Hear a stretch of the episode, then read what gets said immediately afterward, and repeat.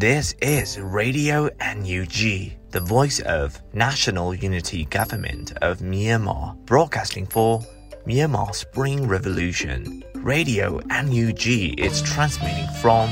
shortwave 16 meter 17.79 megahertz at 8:30 a.m. and 25 meter 11.94 megahertz at 8:30 p.m. Myanmar Standard Time. မင်္ဂလာပါခင်ဗျာ အမျိုးသားညီညွတ်ရေးအစိုးရရဲ့အတန်လွင့်ဌာန Radio NUG ကို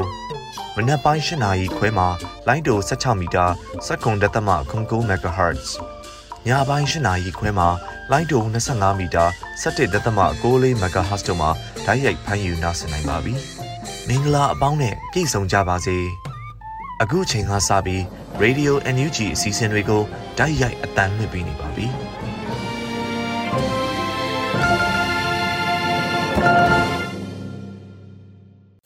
မြန်မာနိုင်ငံသူနိုင်ငံသားအပေါင်းတဘာဝပြီးဆရာနာရှင်ပြည်တို့ကနေကင်ဝေးပြီးကိုစိတ်နှပါဘေးကင်းလုံခြုံကြပါစေလို့ရေဒီယိုညူချီဖွယ်သားများကဆုတောင်းမေတ္တာပို့သလာရပါတယ်ရှင်။အခုချိန်ကစပြီးပြည်တွင်းသတင်းများကိုຫນွေဦးမှမှဖတ်ကြားတင်ပြပေးပါရမရှင်။မင်္ဂလာညချမ်းပါရှင်။ပြည်တွင်းသတင်းတွေကိုတင်ပြပေးသွားမှာပဲဖြစ်ပါတယ်။ကျွန်မကတော့ຫນွေဦးမှပါ။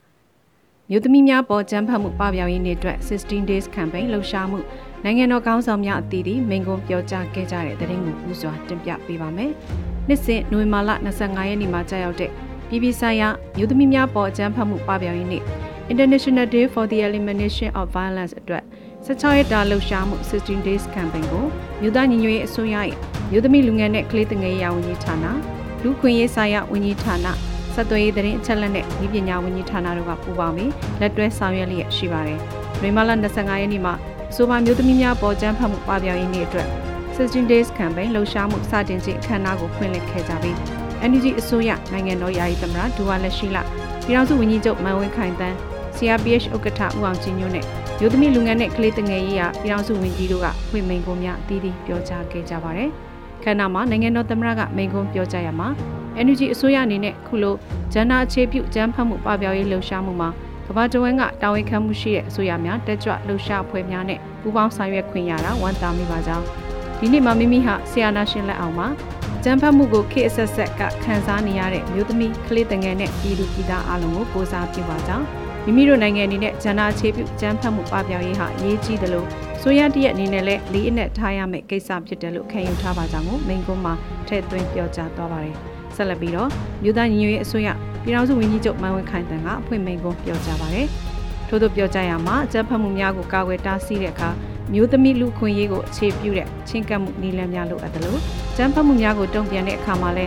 စုဖွဲ့များကကျူးလွန်ခံရသူအားအဟိုပြုတဲ့နည်းလမ်းနဲ့၎င်းတို့ရဲ့အခွင့်အရေးလုံခြုံရေးဂုဏ်သိက္ခာကိုလေးစားလိုက်နာရေးခွဲခြားမှုကင်းစင်ရေးနဲ့ပြောမှုကိုထိမ့်သိမ်းရေးစတဲ့အခြေခံမှုတွေကိုပါလိုက်နာဖို့လိုအပ်လာပါတယ်။ ဒါကြောင့်မြို့သားညီညွတ်ရေးအစိုးရဟာမြို့သမီးလူငယ်နှင့်ကလေးငယ်ရေးဝန်ကြီးဌာနကိုဖွဲ့စည်းက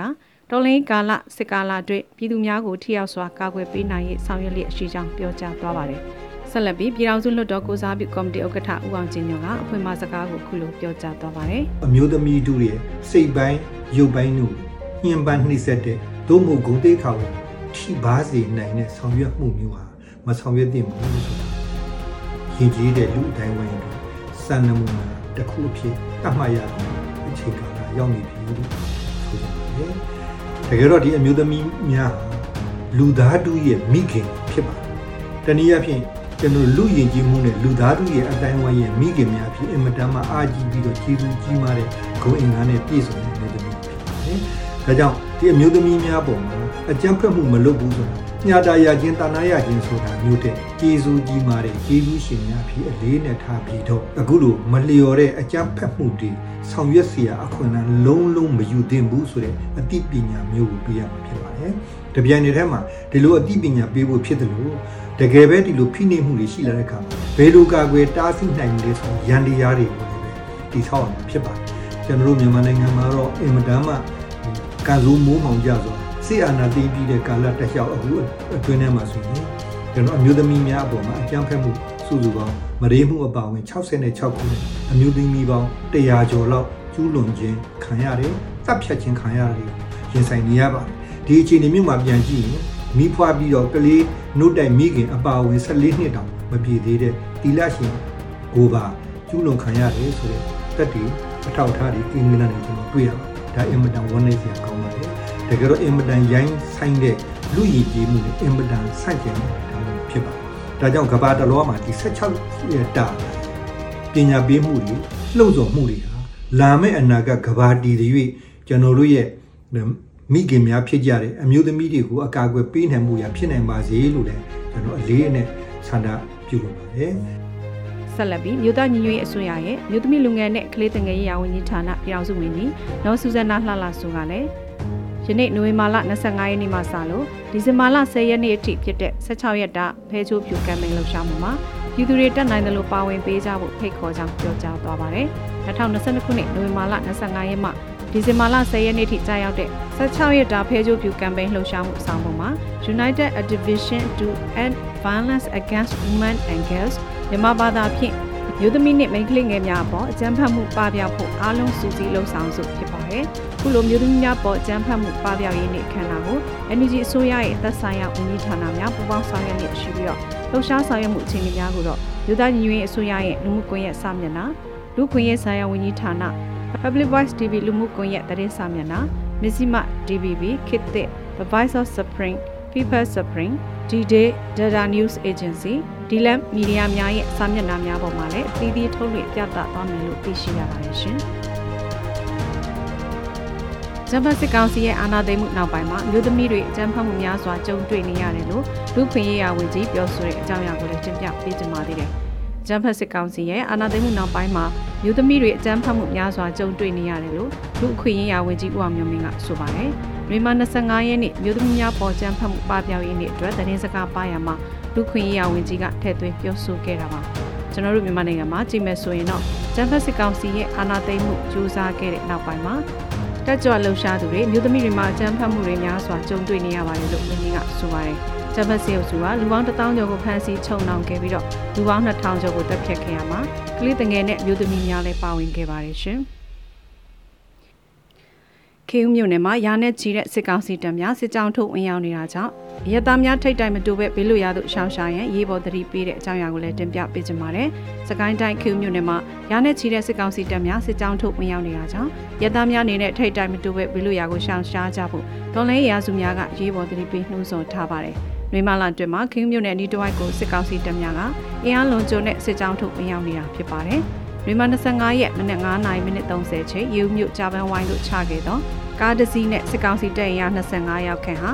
မူးမြစ်ကူးတရာအရှိဘက်ခင်းဦးနဲ့အင်းတိုင်းမှတဆင်ရာတော်ဘက်ဦးတည်နေပါတယ်။ရွာသစ်ကုန်းစစ်ကောင်စီတပ်ချံမှာလည်းတရက်ပင်စုဘက်ထွက်လာနေပြီးတော့မြင်းတော်မူတိုင်ချောင်းတရာမှစစ်ကောင်စီတပ်များလည်းမြင်းတောင်ရောက်ကဘေးပတ်ဝန်းကျင်တို့လက်နက်ကြီးငယ်ရန်တမ်းပစ်ခတ်နေတယ်လို့ဆိုပါတယ်။ဒါအပြင်တာဝစ်ထီမှ200ကျော်စစ်ကောင်စီတပ်များလည်းလှုပ်ရှားမှုရှိနေတာကြောင့် ဂျားထဲမှာပိတ်မိနေတဲ့ဒေသခံများရှိနေတယ်လို့သိရှိရပါတယ်ရှင်။ကတာမြို့မှရိခါလာပို့သောမော်တော်ယာဉ်အားကတာမြို့နယ်ပြည်သူ့ကာကွယ်ရေးအဖွဲ့ပကဖများမှဒီကနေ့မနေ့ရှော့ပြောက်မိုင်းတဲ့မမနှလုံးနဲ့ပြစ်ခတ်တိုက်ခိုက်ခဲ့ရာစစ်ကောင်စီတပ်များထိခိုက်မှုရှိနိုင်တယ်ဆိုတဲ့သတင်းကိုလည်းတင်ပြပေးပါမယ်။စကိုင်းတိုင်းကတာမြို့မှာရိခါလာပို့တဲ့မော်တော်ယာဉ်ကိုကတာမြို့နယ်ပြည်သူ့ကာကွယ်ရေးအဖွဲ့ပကဖမှာဒီကနေ့မနေ့ရှော့ပြောက်မိုင်းတဲ့မမနှလုံးနဲ့ပြစ်ခတ်တိုက်ခိုက်ခဲ့ရာစစ်ကောင်စီတပ်များထိခိုက်မှုရှိနိုင်တယ်လို့သိရှိရပါတယ်။ နိုဝင်ဘာ25ရက်မင်းလဲကြေးရွာမှာနေအိမ်များအားမိရှို့ပြီးမင်္ဂလာဒုက္ခရွာသို့ထွက်ခွာသွားသောစစ်ကောင်စီတပ်များကိုကတာမြို့မှရိခါလာပို့တဲ့မော်တော်အားကတာမြို့နယ်ပြည်သူ့ကာကွယ်ရေးဖွဲ့ပကဖများမှရှော့ပြောင်းမိုင်တဲမမနှလုံးနဲ့ပြစ်ခတ်တိုက်ခိုက်ခဲ့တယ်လို့ကတာပကဖကဆိုပါတယ်။ဆိုပါလက်နက်ကြီးပြစ်ခတ်တိုက်ခိုက်တာကြောင့်စစ်ကောင်စီတပ်ဖွဲ့များထိခိုက်မှုရှိနိုင်တယ်လို့အတည်ပြုဆိုပါတယ်။စစ်ကောင်စီတပ်များဟာ AR မြေကြောင်းကိုအသုံးပြုပြီးအင်အားဖြည့်တင်ခြင်းရိတ်ခါတဲ့ပူခြင်းတို့ကိုလှုံ့ဆော်လျက်ရှိပါတယ်ရှင်။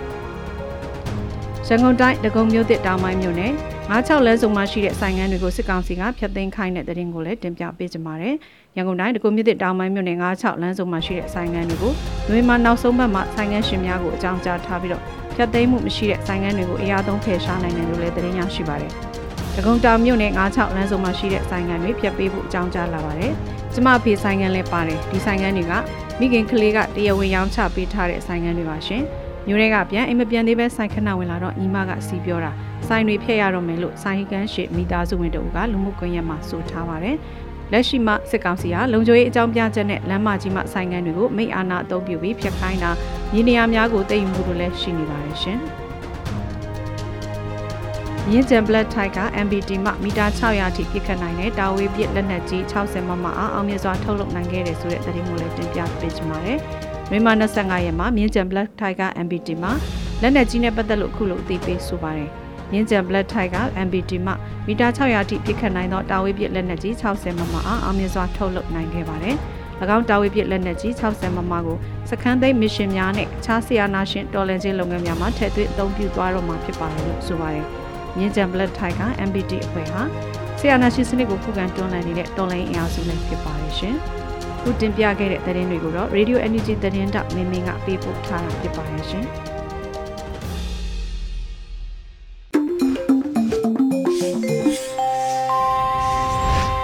ဗီဒီယိုအန်ယူဂျီရဲ့ညပိုင်းစီစဉ်တွေကိုဆက်လက်တင်ပြနေပါတယ်။ဒီနေ့ရဲ့တော်လင်းရေးဆောင်းပါးစီစဉ်မှာတော့မိုးခတင်ဆက်ထားတဲ့ CDN တို့ရဲ့တန်တဲ့အာမန်အပိုင်း29ကိုနားဆင်ကြရတော့မှာဖြစ်ပါတယ်ရှင်။အားလုံးပဲမြင်ကြလားပါ အဲဒီနေ့တော့ကျွန်တော်ကျွန်တော်ရဲ့မိတ်ဆွေတွေကိုဒီဒေါ်လာရေးရဲမှာပေါ့နော်ထဲထဲဝင်ဝင်လုပ်နေတဲ့ရဲဘော်တွေမိတ်ဆွေတွေအကြောင်းကိုအဲမျှဝေခြင်းပါတယ်အဲလွန်ခဲ့တဲ့ဒီ3နှစ်ကပေါ့နော်2018ခုနှစ်တုန်းကကျွန်တော်နိုင်ငံခြားပြည်တော်စဉ်သွားခဲ့တယ်အဲ့ဒီမှာသွားရင်းနဲ့အဲကျွန်တော်ညီလေးတယောက်နဲ့ခင်ခဲ့တယ်ပေါ့အဲအဲ့ညီလေးကဒီကိုရီးယားနိုင်ငံမှာသူကဟို E9 ဗီဇာနဲ့အလုပ်လုပ်နေတာအလုပ်လုပ်နေတာသူ့ရဲ့ အဲအခြေခံလစာနဲ့ဒီ overtime ကြီးပေါ့နော်အချိန်မိုးကြီးတွေနဲ့စုပေါင်းလိုက်လို့ရှိရင်တစ်လဝင်ငွေသူ့ရဲ့ပြန်မြတစ်လဝင်ငွေဟာဒီကိုရီးယားဝန်နဲ့330ကျော်တယ်ပေါ့နော်ဝန်330ကျော်တယ်မြန်မာငွေနဲ့ဆို35သိန်းဝန်းကျင်လောက်ရတယ်ပေါ့အဲ့ဒါဟာဒီ2018 2019ကာလပေါ့နော်ပညာတော်သင်ကာလပြီးသွားတော့2019မှာပြီးသွားတော့ကျွန်တော်မြန်မာပြည်ပြန်လာတယ်ဒီကြားထဲမှာကျွန်တော်သူနဲ့အဆက်အသွယ်မရှိတော့ဘူးပေါ့နော်အကြောင်းမျိုးမျိုးကြောင့်အခုသူကဘယ်ရောက်နေလဲသိလားအခုဆိုသူက ဒီ KNU ဒီတပ်မဟာ6ထဲမှာရှိတယ်တရင်တစ်ခုမှာသူကရောက်နေတယ်အဲသူကဒီစစ်အာဏာရှင်ကိုသူကတော်လန်နေတယ်ပေါ့နော်ဒါကအဲကျွန်တော်အသိညီလေးတယောက်ပေါ့တယောက်ပြောပြချင်တာကဒီဆယ်တန်းတော့တငယ်ချင်းပေါ့နော်ဆယ်တန်းတော့တငယ်ချင်းတယောက်ရှိတယ်အဲကျွန်တော်နဲ့ဒီဆယ်တန်းမှာပေါ့နော်ကျွန်တော်တို့အဲ့တုန်းကအဲဒီဒီ A ကန်းမှာပေါ့ A ကန်းမှာကျွန်တော်တို့ကဟိုစာပြိုင်ဘက်တွေလို့ပြောအောင်မလားပေါ့နော်ပြန်ဆောင်နေပေါ့သူနဲ့ကျွန်တော်နဲ့ကအဲ့တငယ်ချင်းနဲ့က အမှတ်တွေကမတိမ်မြင်ပဲတယောက်ကိုအဲနှစ်မှတ်သုံးမှတ်သူများလိုက်ကိုများလိုက်ပဲထိုင်ကုန်နေရာလေးဟိုဘက်ချင်းဒီဘက်ချင်းနဲ့နေရတာပေါ့နော်အဲသူကကျွန်တော်တဲ့ဘာတာလဲဆိုတော့သူကစူးစမ်းအထုံးမှုတာတာဟိုညင်ချင်းကမတိမ်မြင်ပဲတော့စူးစမ်းအထုံးမှုတာတယ်အလုပ်ကိုသူကစူးစမ်းမြင်စူးစမ်းနေနေလုပ်တယ်ပေါ့နော်ဒီမှန်းချက်လည်းကြီးရပေါ့အဲ့တော့အလုပ်ကိုစူးစမ်းမြင်လုပ်တတ်တဲ့သူတွေဒီမှန်းချက်ကြီးတဲ့သူတွေရဲ့ထုံတနိုင်တော့အောင်မြင်တော့ပေါ့အောင်မြင်တော့သူ10တန်းမှာသူအမှတ်ဂုံလူ လေးဘာသာနဲ့အမှတ်9ကျော်ရပြီးတော့သူဆရာဝန်စေတက်ကတူဝင်ဝင်ရတယ်အဲစေတက်တူမှာလည်းသူကြိုးစားနဲ့တင်တဲ့တော့ကြောင့်မလို့သူဆရာဝန်ဖြစ်တယ်ပေါ့အခုကျွန်တော်တငယ်ချင်းကအဲ့တငယ်ချင်းကဘယ်ရောက်နေလဲသိလားသူလည်းတက်တိုက်ဆက်ဆိုင်ပဲအဲ KNU အဲတက်မှာ6ထဲမှာပေါ့နော်တက်မှာ6ထဲမှာအခုရောက်နေတယ်အဲစေတက်ရင်တစ်ခုမှာပေါ့နော်တောင်းဝင်ယူနေတယ်စေးအဖွဲ့ကိုသူတောင်းဝင်ယူနေတယ်စေးအဖွဲ့ခေါင်းဆောင်နေတယ် medic တင်းမှာပေါ့နော်ဒီလက်လက်တွေ့မြေပြင်မှာပေါ့နော်မြေပြင်မှာဒီ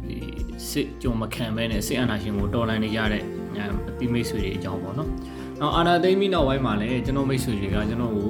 အဲစိတ်ဝင်စားနဲ့စောင့်ကြည့်နေကြတယ်ပေါ့။စိတ်ဝင်စားတဲ့တချို့ဆိုလို့ရှိရင်အဆက်အသွယ်တော့မရှိဘူး။ဒါပေမဲ့သူတို့တတိရတဲ့အချိန်မှာအဲကျွန်တော်ဘာလုပ်မလဲဆိုပြီးတော့စောင့်ကြည့်ကြတာရှိတယ်ပေါ့နော်။အဲ့မှာကျွန်တော် CDM လုပ်တဲ့အတွက်ကြောင့်မလို့ CDM မှာပါဝင်တဲ့ကြောင့်မလို့တချို့အံ့ဩကြတာလည်းရှိတယ်ပေါ့နော်။ဘာဖြစ်လို့အံ့ဩတာလဲဆိုတော့အဓိကကျွန်တော်စိတ်တက်ကိုအံ့ဩတာမဟုတ်ဘူးပေါ့ CDM လုပ်လို့အံ့ဩတာမဟုတ်ဘူး။ ဒီစသရအဆင်ပြေနေတဲ့အခြေအနေမျိုးပေါ့နော်အခြေအနေမျိုးကိုအဲပြစ်ထားခဲ့ပြီးတော့ CDM မှာပါဝင်ခဲ့လို့ပေါ့နော်တော်လန်ရေးထဲမှာပါဝင်ခဲ့လို့သူတို့ကအံ့ဩတာကျွန်တော်ဆိုလို့ရှိရင်ရက်ဖက်နဲ့ရောတက်ဖက်နဲ့ရောခေါင်းဆောင်တွေနဲ့လူကြီးတွေနဲ့ကျွန်တော်ကအဆင်ပြေတယ်တော်တော်လေးကိုအဆင်ပြေတာပေါ့နော်ရက်ဖက်ကလူကြီးတွေပေါ့နော်ရက်သားအစိုးရဘက်ကလူကြီးတွေတော့တက်ကပြောင်းလာတယ်မိုးကြရွှေကိုလို့ခေါ်ကြတဲ့ ပင်စင်တက်ပင်စင်ကိုဒီရက်ဖက်လာစာကိုရတဲ့သူတွေပေါ့နော်မိုးကြရွှေကိုလို့ခေါ်ကြတဲ့ဒီအငိမ့်သားဘုံမူတွေဘိုးကြီးတွေဘုံမူကြီးတွေပေါ့နော်အဲ့ဒါသူတို့တွေနဲ့လည်းကျွန်တော်ကအဆင်ပြေတယ်ပေါ့အဆင်ပြေတဲ့အတွက်ကြောင့်မလို့တချို့သူပြေလွန်အားကြီးလို့ကျွန်တော်ကိုဒီအစိမ်းနာအဲ့လိုမျိုးပေါ့နော်ဒီစစ်တပ်ထောက်ကန်တဲ့သူလာတော့ထင်ရှားတယ်လို့ရှိတယ်ပေါ့အဲ့တော့ကျွန်တော်ကနှစ်ဦးနှစ်ဖက်နှစ်ဖက်သလုံးနဲ့အဆင်ပြေအောင်နေနိုင်တဲ့သူပေါ့နော်အဲ့လိုလူတယောက်က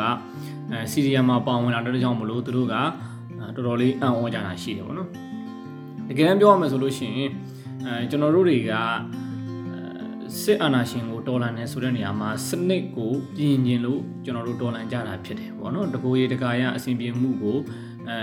မလိုရင်ကြဘူးပေါ့နော်ကိုတကူသာကောင်းစားဖို့ကိုမတွေးဘဲနဲ့မတွေးတက်တဲ့ကြောင့်မလို့ဝင်လာကြတာပေါ့ဟိုကိုရီးယားမှာအလုပ်လုပ်ပြီးတော့အခုအဲတော်ထဲမှာလက်နက်ကင်နေတဲ့ညီလေးဆိုလဲဒီတိုင်းပဲပေါ့နော် သူဆိုလို့ရှိရင်လည်းအဲလာစာကမနေမနှောရနေတာပေါ့မြန်မာငွေ35သိန်းလောက်ရနေရဆိုတော့အခြေအနေမျိုးအဲ့ဒါကိုမမသူကကိုရီးယားကနေပြီးတော့မမပြန်လာမြန်မာပြည်ကိုပြန်လာဒီစုပ်ပြတ်တဲ့နေတဲ့ဖြစ်ဖြစ်သွားတဲ့နိုင်ငံကိုပြန်လာပြန်လာပြီးတော့အဲလက်နက်ကင်တာမျိုးပေါ့နော်စဉ်းစားကြည့်လိုက်တငယ်ချင်းဆိုလဲဒီတိုင်းပဲသူဆရာဝန်ဖြစ်ဖို့သူမနေစူးစမ်းခဲ့ရတာဆရာဝန်ဖြစ်လာတဲ့အချိန်မှာလဲဆရာဝန်ဆိုတဲ့အလုပ်ကလည်းကုသိုလ်လေးရဝမ်းလဲဝါတဲ့အလုပ်ငွေရှာလို့ကောင်းတဲ့ထဲမှာလဲသူလဲပါတယ်ပေါ့နော် အဲ့တော့အဓာကိုသူကဒီတကိုးသားကောင်းဆောင်မှုကိုမကြည့်ဘဲနဲ့သူ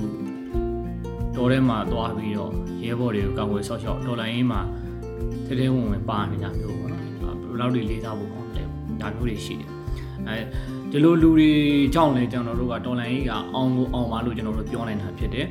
အဲလက်ရှိအချိန်မှာဒေါ်လာရင်းကာလကနှစ်နှစ်ပြည့်တော့မှာဖြစ်တယ်ဗောနော်နှစ်နှစ်ပြည့်တော့မဲ့အချိန်မှာတော်တော်များများလဲခံယူချက်အကြောင်းဒေါ်လာနဲ့သူတွေတောင်မှ ခံနိုင်အင်အားမဲ့လာကြတာတွေရှိတယ်ဗောနော်။ဘာကြောင့်လဲဆိုတော့တယောက်တယောက်နဲ့ခြေနေနေထားခြင်းကမတူငွေကြေး CDM ချင်းတူရင်တော့မှငွေကြေးစုဆောင်းလာတဲ့သူနဲ့ငွေကြေးမစုဆောင်းလာတဲ့သူအသက်ငယ်တဲ့သူနဲ့အသက်ကြီးတဲ့သူဗောနော်အလောက်ကန်ရှာဖွေနိုင်တာချင်းနဲ့မရှာဖွေနိုင်တာချင်းတွေတူရမတူတဲ့ကြောင့်မလို့ခံနိုင်အင်အားတွေမတူကြဘူးဗောနော်အဲ့တော့ခက်ခဲပင်ပန်းနေပြီဆိုတာကိုသိပါတယ်ဒါပေမဲ့ချိန်ကြာလာလို့ကျွန်တော်တို့ကတော်လိုင်းမအောင်မှာမအောင်တော့မှာတော့လုံးဝစိတ်ပူစရာမရှိဘူးလို့ကျွန်တော်ရေးအာမခံရတဲ့အဲ ကျွန်တော်တို့မြေပြင်မှာလုံနေတဲ့သူတွေနဲ့အနီးကပ်တွေ့ရတဲ့အချိန်မှာတကယ်ကိုပင်မခက်ခဲပင်မနေတာကိုလည်းတွေ့ရတယ်ဒါပေမဲ့ဆွတ်တော့ပြောတယ်ဘလို့အခြေအနေနေတာပဲဖြစ်ဖြစ်ဆရာနာရှင်ကိုတော်လန်နေကြမယ်ဆိုတဲ့သူတွေရှိတယ်ပေါ့နော်ဒီစသရအဆုံးလုပ်ပြီးတော့နောက်ဆုံးချိန်တိုက်ပွဲဝင်နေကြမယ်ဆိုတဲ့သူရှိတယ်တမိုင်းတစ်ကိုရေးထိုးနေကြတဲ့သူတွေရှိတယ်ဒီလိုလူတွေကြောင့်ကျွန်တော်တို့ line ကအောင်ကိုအောင်မယ်ဆိုတာကိုပြောချင်တယ်အဲအခက်ခဲတွေရှိလေစတော့ပြောတယ်ကိုယ့်ရဲ့ခက်ခဲတဲ့သူတွေအနေထားကိုတွေးပြီးတော့အာတင်ပေးကြဖို့မေတ္တာရက်ခံခြင်းနဲ့ စစ်အာဏာရှင်စနစ်မြန်မာပြည်မှာအပြီးတိုင်ချုပ်ငြိမ်းဖို့အတွက်ကျွန်တော်တို့နောက်ဆုံးတိုက်ပွဲမှာကိုစွမ်းညံစမ်းရှိသမျှနောက်ဆုံးချီတီဒေါ်လာနေမယ်ဒေါ်လာကြရအောင်အရေးတော်ပုံမုတ်ချအောင်ရမယ်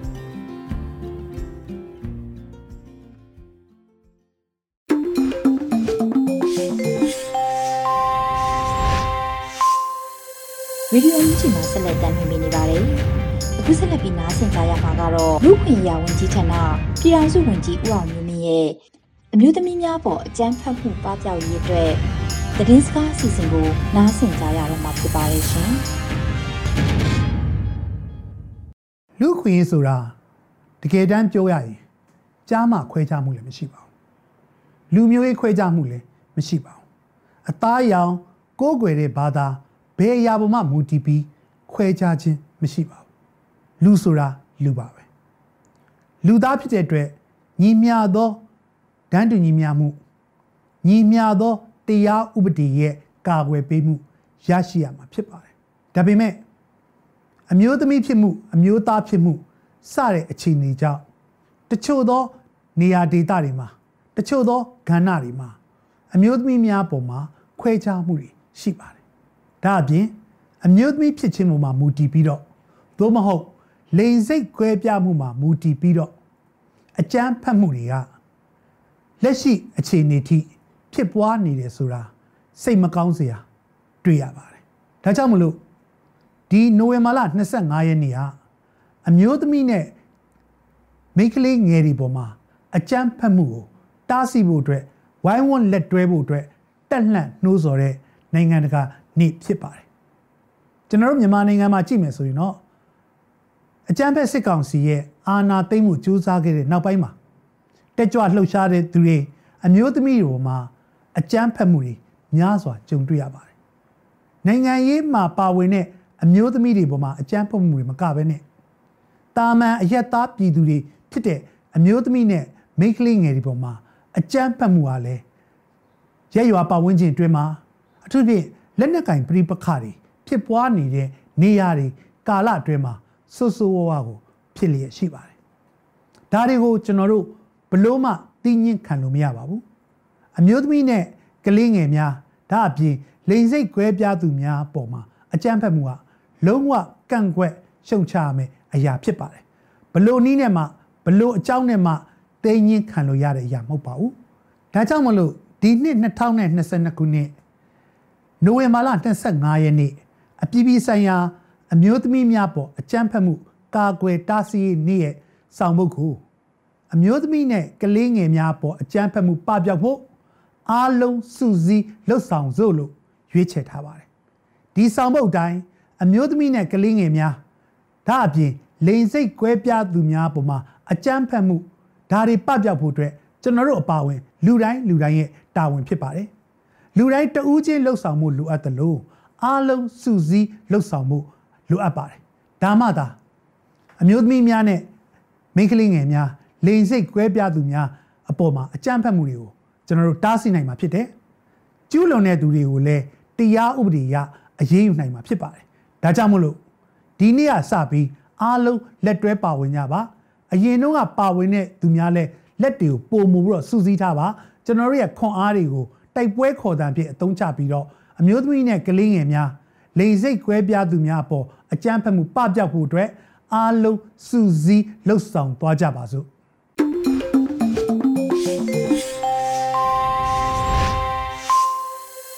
ရေဒီယိုမြူးချီပရိသတ်များရှင်ဒီနေ့ရဲ့တော်လှန်ရေးအမှုပညာအစီအစဉ်မှာတော့တန့်ဝေကျော်တင်ဆက်ထားတဲ့ဖြစ်ချောင်းကုံစီအညာတခွင်အပိုင်း29ကိုနားဆင်ကြရတော့မှာဖြစ်ပါရဲ့ရှင်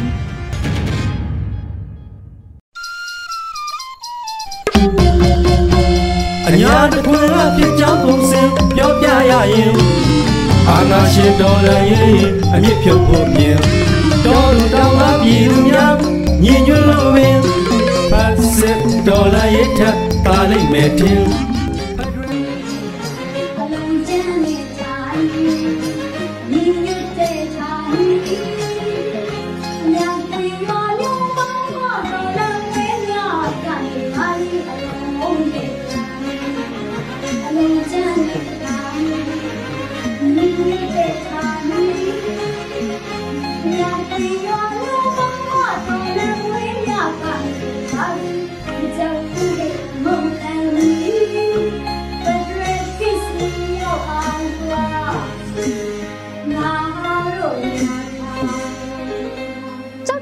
ညာတစ်ခွင်မှာတော့တဆောင်းတဲ့အမီအကြောင်းတစ်နှစ်ညီစွာပဲ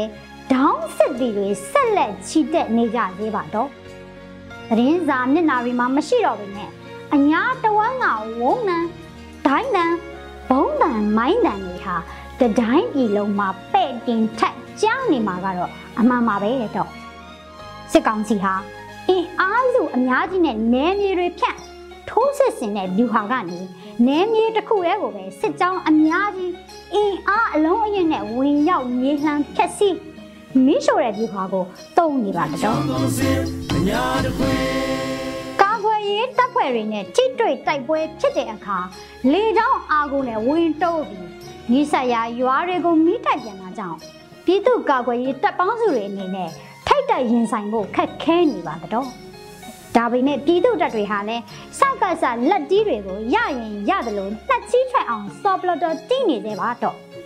အမာကိုရှောင်းအပြောက်ကိုတိုက်ဆိုတဲ့မြူဟာနဲ့စကစအင်အားပြော့တဲ့နေရာတွေကိုလျှက်တစ်ပြက်ဝင်စည်းတာမို့စကစတက်ဆွဲနေရာချုပ်ကိုလည်းချစ်ချစ်ရောက်ရောက်တိုက်ခိုက်လိုက်နိုင်တာတွေလည်းဒီကာလမှာရှိခဲ့ပါတော့ဒါကြောင့်လဲစစ်ကောင်စီတွေဟာသူတို့ရဲ့အားပြော့တဲ့စခန်းတွေတက်ဆွဲရာနေရာတွေကနေ ဆောက်ခွာပြေးနေရပါတော့အဲ့ဒီနေရာမှာပြည်သူတပ်တွေနဲ့စကားစတွေရဲ့ရဲဘော်ရဲဘက်စိတ်ဘလောက်ကွာခြားတယ်ဆိုတာမျက်မြင်တွေ့ရတော့တာပါပဲပြည်သူတပ်ကရဲဘော်တွေဟာရင်းဆိုင်တိုက်ပွဲတွေမှာကိုယ့်လူများကြံခဲ့ရင်အသက်နဲ့ရင်းပြီးပြန်ကယ်လို့ရှိကြတယ်ဒါကြောင့်လဲချွေကွဲဝမ်းနေစရာတွေလည်းခဏခဏကြုံရရတာပေါ့အဲစကားစတွေလားကိုယ့်ရဲဘော်အချင်းချင်းတောင် မသွားနိုင်မလာနိုင်ဆိုတေးသေးကြီးကြီးပြစ်ထားခဲ့တာမြိုင်ဘဟင်းရဲစခန်းကရဲဒုတက်ကြဝင်းကိုကိုအောင်ကတက်တည်တာပဲတော့အဲ့နေတော့လေပြန်ရပြန်တော့ဘယ်တော့တော့ဟုတ်ဘူးဘုံကောဒီဒီကြောင်းပုံစံအညာတခွင်အဲ့ဒါလို့အဲ့ဒါလို့ပါတော့အဲအထက်ချင်းတွင်ဖောင်းခြင်းဗမောက်ဟောင်းရင်းတစ်ဝိုက်မှာတော့တတိုက်ပွဲတွေပြင်းထန်နေပါတယ်တော့စစ် ကောင်စီနဲ့စစ်ကောင်စီနောက်လိုက်ပြီးစောထီးတွေခမညာဖနောက်နဲ့တင်မတသားတဲ့ကြအောင်တပြေးရဲ့ပြင်းနေရတယ်လို့မြေရင်သတင်းတွေရသိရပါတော့သူ့ကြီးသာလို့ဆိုအလှူရည်ဆက်လက်နဲ့မကွာဆိုတယ်လို့လက်နဲ့ကြီးလက်နဲ့ငယ်အဆောင်အလင်းကိုပါလှူဒန်းကြလေတပါတာတို့ပါတော့တာတို့ပါဒါကြောင့်လဲစစ်ကောင်စီခန့်ရကိုင်းဝက်ကခအမိခံအကြမ်းဖက်မောင်မြတ်တော်တို့အလောင်းစီသူ အဲအလောင်းဖျားစစ်စင်ရေးကောင်းကြီးတန်းလှိုင်တို့ကတော့မျက်နာမရခြေတော့ရဆိုတယ်လို့ဘာပြန်ချီညာပြန်ချီမှမရရှာတော့တာဖြစ်မယ်အထက်ချင်းကကြမ်းတယ်လို့အောက်သခိုင်းကလည်းမနှုလာပါဘူးတော့မုံရွာမန္တလေးလမ်းရဲ့80ရာခိုင်နှုန်းကိုစီထားပြီးလာသမျှစစ်ကောင်စီကားလမ်းကိုပရိသာကျွေးနေတာအမခံပါပဲပြီးခဲ့တဲ့နိုဝင်ဘာ22ရက်နေ့ကဖြစ်စဉ်ကိုပဲကြည့်လေ တက်မ33ကထွက်လာတဲ့စစ်ကောင်စီကားအစီး20ဟာထွက်လာပြီးမကြသေးဘူးမင်းမှုမြို့ဆောင်လမ်းမှာပရိသာစမိတော့တာပါပဲအဲ့ဒီကနေအလကပဝမ်းပြည့်ရေဘိုးစားနတ်ရေကန်တောက်လျှောက်ပရိသာအုံးပြီးစတော်လိုက်တာအာရပါရပါပဲတော့ဒါနဲ့ပဲမုံရွာကတက်တွေစီကိုကြီးတို့ရေညီတို့ကိုလာခဲ့ပါအောင်ဆိုပြီးအကူကြီးတောင်းတော့ဘာမှဘူးနဲ့ညီကိုကြီးတို့ရှိတယ်ဆိုပြီး အနောက်မြောက်တိုင်းစစ်ဌာနချုပ်ရဲ့လက်ယူရေးစဉ်မိုင်းရှင်းအဖွဲ့ကြီးကိုလွှတ်လိုက်ပါတော့လို့မမိုင်းရှင်းအဖွဲ့ကြီးဟာလေမုံရွာမြို့အဆက်မှာပဲအေးမဲမလို့ကောင်းနေမိုင်းမောင်းဆုံးဂရေဂရာနဲ့ရေရွာမှာနေတာမကောင်းဘူးမို့ဆိုပြီးတေရွာလာကုန်ရတယ်တော့ဒါနဲ့ပဲစစ်ကြောင်းနှစ်ခုစုံတော့တေဆုံးထိခိုက်ဒဏ်ရာရသူတွေကိုမန္တလေးဘက်ကားနဲ့ပြန်တယ်ဖို့လောက်ကြရပြန်ရော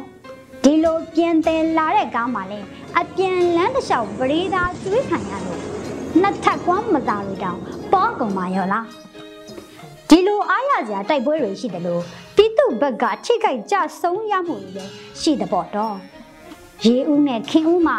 တိုင်မိုင်းမတော်တဆကြောင့်ပြည်သူရဲဘော်တွေကြဆုံးခဲ့ရတယ်လို့မြောင်ရေစကြိုမြိုင်နဲ့ဝက်လက်ရွှေဘိုတဝိုက်မှာလဲ တော်လန်ရေးအတွက်အသက်သွေးစရေပိတ်ဆက်ခဲ့ရသူတွေရှိတဲ့ပေါ့တော့တိုက်ပွဲကြောင့်ပရိသာမိုင်းအကြမှာညက်ပြီးထိကြိုက်ကြဆုံးသွားကြရတဲ့ပြည်သူတွေလည်းရှိပါတော့ကျုပ်တို့ပြည်သူတွေအနေနဲ့လည်းစစ်ကောင်စီကားရန်တွေတက်ဆွဲတဲ့နေရာတွေနဲ့ဝေးဝေးရှောင်းနေကြဖို့အထက်ထက်အကြိမ်ကြိမ်နှိုးစော်တိုက်တွန်းလိုက်ပါတော့ ဒီတစ်ပတ်အတွင်းအညာရွာပေါင်း40ကျော်ကအင်ဂျီပေါင်း1000နီးပါးမီးပေးတင့်ခဲ့ရပါတော့တချို့ရွာတွေဆိုရွာလုံးကျွတ်မီးတင်ပြီးစစ်ဘေးတင်အိုးမဲ့အိမ်မဲ့ပြည်သူတွေလည်းမနှဲပါဘူးတော့စစ်ကောင်စီအဖို့ကတော့ရွာသူရွာသားတွေမီးတင်လေလေဒုက္ခသည်တွေများလာလေလေပြည်သူကာကွယ်ရေးတပ်တွေဝင်းပိလေလေမို့တမင်းကိုဗျူဟာချလှုပ်ဆောင်နေတာပါတော့ ဒီတော့စစ်ဘေးမတင်သေးတဲ့ဒေသတွေကပြည်သူတွေအဖို့ကာကွယ်ရေးတပ်တွေကိုမကူချင်နေပါတော့စစ်ဘေးဆောင်တွေကိုတော့ရိုင်းပင်းမျှဝေပေးကြပါအောင်လို့ပန်ကြားပါရစေတော့ချောင်းကောင်းစင်အညာတခွေလွယ်လွယ်ကူကူအောင်မြင်သွားတဲ့တော်လန်ရေးဆိုတာကမ္ဘာပေါ်မှာမရှိပါဘူးတော့တော်လန်ရေးရဲ့ခရီးလမ်းဟာကြမ်းတမ်းကြတာကြီးပါပဲကျုပ်တို့ရဲ့တိုင်းရင်းသားညီနောင်တွေလည်းဒီတော်လိုင်းခရီးချမ်းကြီးကို နှစ်ပေါင်းများစွာဖြတ်တန်းခဲ့ကြရဘူးပါပြီတော့လက်ရှိကျုပ်တို့အညာဒေသပါဒီတော်လန်ရေးခရီးချမ်းကြီးမှာပါဝင်လာပြီဆိုတော့လူများပြီးလမ်းတွင်လာအောင်ခြုံလွယ်ပိတ်ပေါင်းတွေကိုညီညီညွတ်ညွတ်နဲ့အတူတကွခုတ်ထွင်ရှင်းလင်းကြပါစို့လို့ပဲတိုက်တွန်းလိုက်ရပါတယ်တော့ညစတဲ့အောင်ပါမယ်ချစ်ချောင်းကောင်းစင်အညာတခွေ ဒီကနေ့ကတော့ဒီညနေပဲ Radio NUG ရဲ့အစည်းအဝေးတွေကိုခਿੱတရနာလိုက်ပါမယ်မြန်မာစံတော်ချိန်မနက်၈နာရီခွဲနဲ့ည၈နာရီခွဲအချိန်တွေမှာပြန်လည်ဆုံးဖြတ်ကြပါစို့ Radio NUG ကိုမနက်ပိုင်း၈နာရီခွဲမှာလိုင်းဒို16မီတာစက္ကန့်တသမ9 MHz ညပိုင်း၈နာရီခွဲမှာလိုင်းဒို25မီတာ17သမ6 MHz တို့မှာဓာတ်ရိုက်ဖမ်းယူနားဆင်နိုင်ပါပြီမြန်မာနိုင်ငံသူနိုင်ငံသားများကိုယ်စိတ်နှပြကျန်းမာချမ်းသာလို့ ဘေးကင်းလုံခြုံကြပါစေလို့ Radio NUG အဖွဲ့သူအဖွဲ့သားများကဆုတောင်းလိုက်ရပါတယ်။အမျိုးသားညီညွတ်ရေးအစိုးရရဲ့စက်သွေးရေးတရင်အချက်အလက်နဲ့ဤပညာဝန်ကြီးဌာနကထုတ်လွှင့်နေတဲ့ Radio NUG ဖြစ်ပါတယ်။ San Francisco Bay Area အခြေစိုက်မြန်မာမိသားစုများနဲ့နိုင်ငံတကာကစေတနာရှင်များလှုပ်အားပေးများရဲ့ Radio NUG ဖြစ်ပါတယ်။အရေးတော်ပုံအောင်ရမည်